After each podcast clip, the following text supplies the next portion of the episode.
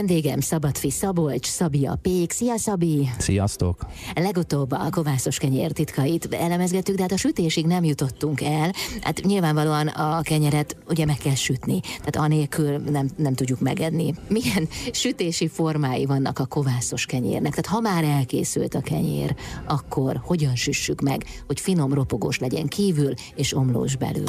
Hát erre azt kell mondanom, hogy ha óriás mázlista vagy, akkor van az udvarodban egy jó fatüzelésű kemence, ahol egy óriási tüzet raksz benne, szépen felmagy a hőfok 300-350 fokra, elteríted a parazsat, becsukod az ajtót, és megvárod, amíg az a tűz leég.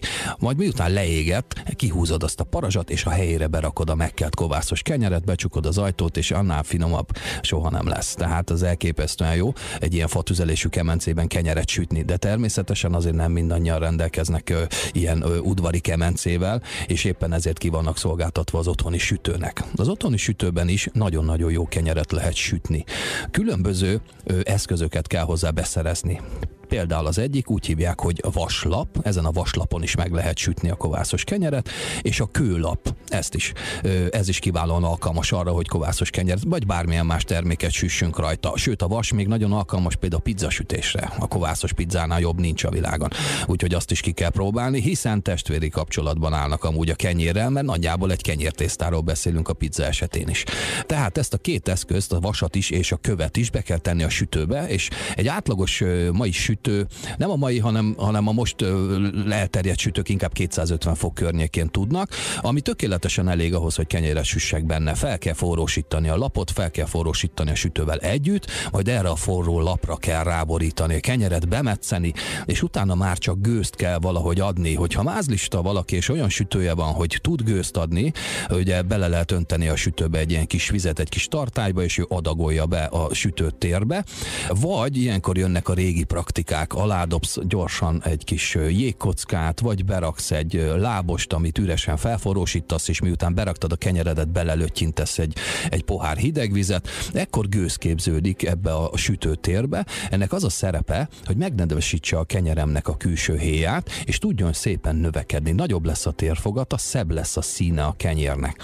És egyébként a legfontosabb dolog, a pékek mindig azt mondják, hogy kontrollált körülményeket kell létrehozni egy sütőben. Szerintem a vas vaslábos ennek a legjobb példája. Lehet különböző méretű vaslábosokat vásárolni, ezt is be kell tenni fedővel együtt felforrósítani, majd a konyhapulton egy sütőpapírra kiborítjuk a megkelt kovászos kenyerünket, bemetszük, kivesszük a forró vaslábost, levesszük a fedőt, beletesszük a kenyeret, visszatesszük a fedőt, és berakjuk 250 fokra. Ez azt fogja okozni, hogy a kenyérben lévő nedvesség ebbe a pici zárt térbe elkezd kipárologni, és gyakorlatilag saját magát elkezd elkezdi meggőzölni. Ilyenkor nehezebben adja át a hőt a kenyérnek, tehát még az első időszakban egy nagyon nagy térfogat növekedést tud ö, okozni, és a, a sütésnek körülbelül a, a felénél, egy 20-25 percnél ezt a fedőt le kell venni, mert utána erre a gőzre nekünk már szükségünk nincsen, hanem akkor már arra van szükségünk, hogy jól piruljon meg, és egy jó vastag héjat, ropogós héjat kapjunk a végeredményben. Viszont ekkor 250 fokról körülbelül 220-230 fokra csökkenteni kell a hőfokot. Nagyon kell figyelni arra, hogy minden sütő más, és mindenkinek igenis ki kell tapasztalni a sajátját. Hát figyelj, ez olyan egyszerűnek tűnik, ahogy elmondtad, de én pontosan tudom, hogy ezeken az apró részleteken múlik az, hogy milyen lesz a kenyér. Így van, én azt szoktam mondani, hogy mindenen is múlik. Te, ha ránézel egy kovászos kenyére, akkor be tudod lőni, hogy milyen technikával, vagy milyen sütőben készült? Előfordulhat, de azért engem is megcsalnak az érzékeim néha, és látok olyan elképesztő kenyereket, kenyérfotókat, ami, ami azt hinném, hogy valami óriási műhelyből jött ki, és egy háziasszony sütött otthon, vagy egy házi úr.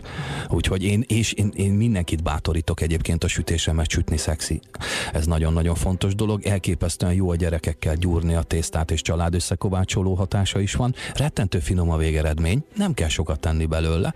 A hosszú érés miatt szépen átalakított cukrok nagyon jót tesznek a szervezetednek, legalábbis nem terhelik meg annyira, mint a gyorsított eljárással készülő kenyerek, úgyhogy én minden minden pozitívumot fel tudok sorolni az otthonsütés mellett, és azt is mondom, hogy szerintem otthon lehet a legjobb kenyeret megsütni. Tudod, hogy miből készítetted, tudod, hogy hogyan készítetted. Halapos, ha égett, ha ilyen, ha olyan, hidd el, mindenki meg fog dicsérni.